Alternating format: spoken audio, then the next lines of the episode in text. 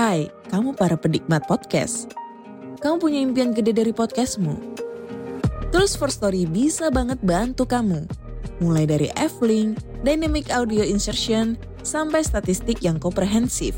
Semua ada di First Story. Gak ketinggalan kamu bisa monetisasi podcastmu lewat iklan dari First Story Ads yang bisa kasih kamu penghasilan dari setiap place podcastmu.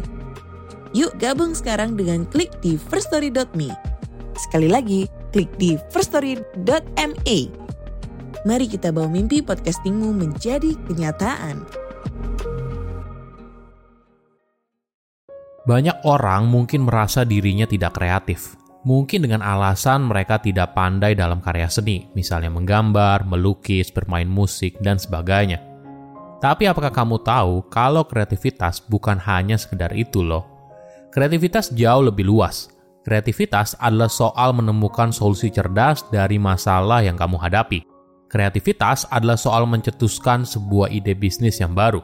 Jadi, ketika kamu ditanya apakah kamu adalah orang yang kreatif, jangan buru-buru bilang tidak karena ini merupakan salah satu karakter yang mulai banyak dicari oleh perusahaan. Mereka mulai mencari kandidat yang memiliki pola pikir yang solutif, out of the box, dan dinamis. Halo semuanya, nama saya Michael. Selamat datang di channel saya, Si Kutu Buku. Kali ini saya akan bahas buku Creative Confidence karya Tom and David Kelly.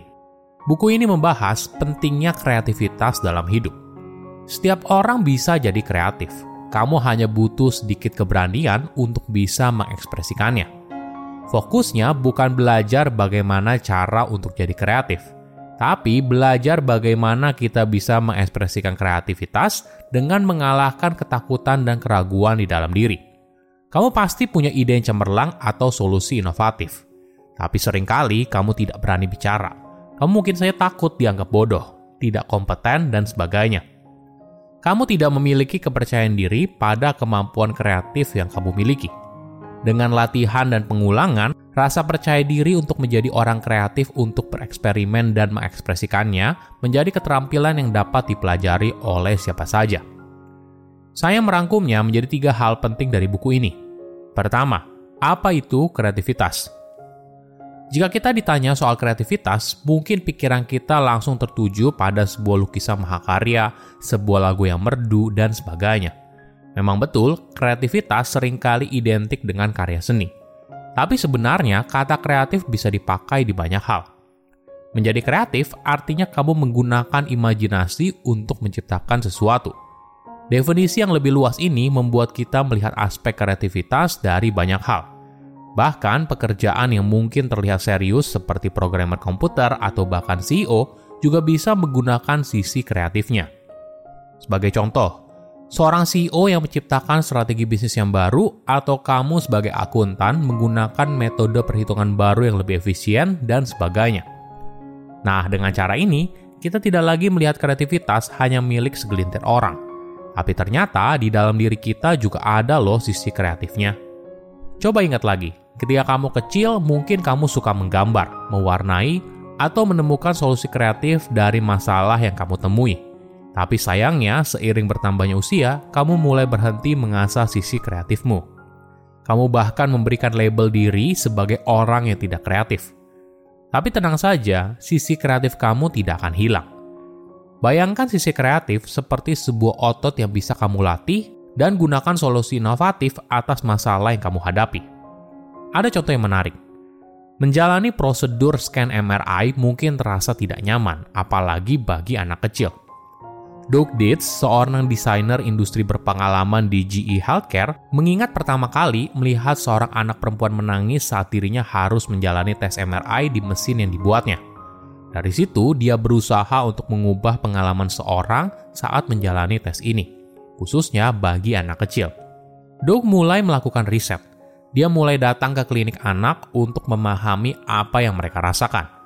Kemudian dia menciptakan sebuah prototipe yang di kemudian hari dikenal sebagai alat pemindai serial petualangan.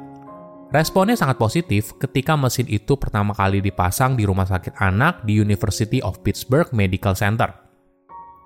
Tingkat kepuasan pasien meningkat hingga 90%, dan beberapa anak tidak lagi mengalami kecemasan saat menjalani tes MRI Bahkan beberapa pasien anak malah bertanya kepada orang tuanya, apakah dia bisa datang lagi ke klinik keesokan harinya atau tidak.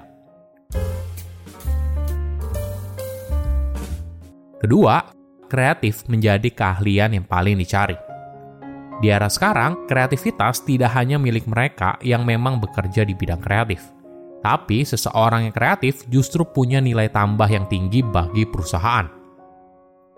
Dalam sebuah survei yang menjaring lebih dari 1.500 CEO di berbagai industri, mengatakan kalau kreativitas merupakan sebuah keterampilan kepemimpinan untuk menghadapi tantangan dunia modern di mana solusi inovatif menjadi penting sebagai pembuka jalan menuju kesuksesan.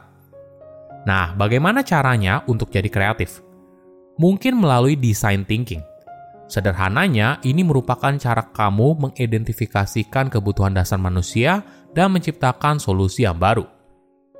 Sebagai contoh, untuk mendesain ulang untuk mendesain ulang untuk mendesain ulang rangkaian peralatan dapur, penulis berbincang langsung dengan para pengguna yang mengalami kendala dalam menggunakan peralatan dapur mereka, seperti para lansia, untuk mengetahui apa yang mengganggu mereka dengan desain yang ada.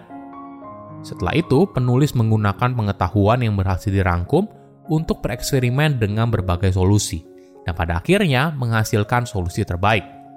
Tidak semua solusi atau penemuan itu berhasil, apalagi di tahap awal. Bahkan para orang jenius dan kreatif terhebat pun gagal namun ketika mereka gagal, mereka memanfaatkan kegagalan sebagai batu loncatan untuk keberhasilan. Menariknya, orang jenius bukan artinya mereka gagal lebih sedikit, justru lebih banyak. Justru lebih banyak. Tapi bedanya, gagal tidak membuat mereka menyerah. Mereka belajar dari kesalahan dan mengubah pendekatan mereka sehingga bisa selangkah lebih dekat dengan apa yang mereka inginkan. Jika kamu ingin sukses menjadi kreatif, mungkin kita perlu lebih banyak berpikir seperti Thomas Alva Edison. Sebuah kegagalan hanya akan menjadi kegagalan jika tidak ada yang kamu pelajari darinya. Faktanya, ada sebuah paradoks apabila kamu justru berhasil pada percobaan pertama, maka hal ini bisa merugikan dalam jangka panjang. Kenapa? Karena kegagalan penting di awal proses inovasi agar kita bisa tahu apa sih kelemahan dari sebuah produk atau jasa yang sedang kita kembangkan. Ketiga, antara passion dan uang. Apa pekerjaan yang kamu inginkan? Apakah pekerjaan dengan gaji yang tinggi atau pekerjaan yang sesuai dengan passion? Tentu saja, mayoritas orang ingin keduanya, dan ini yang menjadi super stres. Beruntung apabila apa yang kamu kerjakan sesuai dengan passion dan diberikan gaji yang sesuai ekspektasi. Tapi sayangnya, tidak semua orang seberuntung itu banyak orang harus memilih salah satu dari keduanya. Mana pilihan yang benar? Ini tentu saja pertanyaan yang sulit dijawab. Setiap orang punya prioritas hidup masing-masing, dan di fase mana kamu sekarang sangat menentukan pilihan apa yang kamu ambil. Namun yang pasti, pada akhirnya kamu harus bisa menyeimbangkan antara keduanya, uang dan passion. Dalam jangka pendek, pekerjaan dengan gaji yang besar tentu saja membuat kamu bahagia. Tapi apakah iya dalam jangka panjang? Misalnya, kamu harus bekerja lembur terus-terusan, atau kamu terpaksa harus melewatkan hari penting, misalnya ulang tahun orang yang kamu cintai, hanya karena kamu sangat sibuk bekerja. Tapi di sisi lain, bekerja sesuai passion tapi dengan bayaran rendah juga tidak optimal. Mungkin saja kamu ingin membeli ini dan itu, atau mencapai standar tertentu dalam hidup. Silahkan komen di kolom komentar pelajaran apa yang kalian dapat ketika baca buku ini. Selain itu, komen juga mau buku apa lagi yang saya review di video berikutnya. Saya undur diri, jangan lupa subscribe channel YouTube Sikutu Buku. Bye-bye.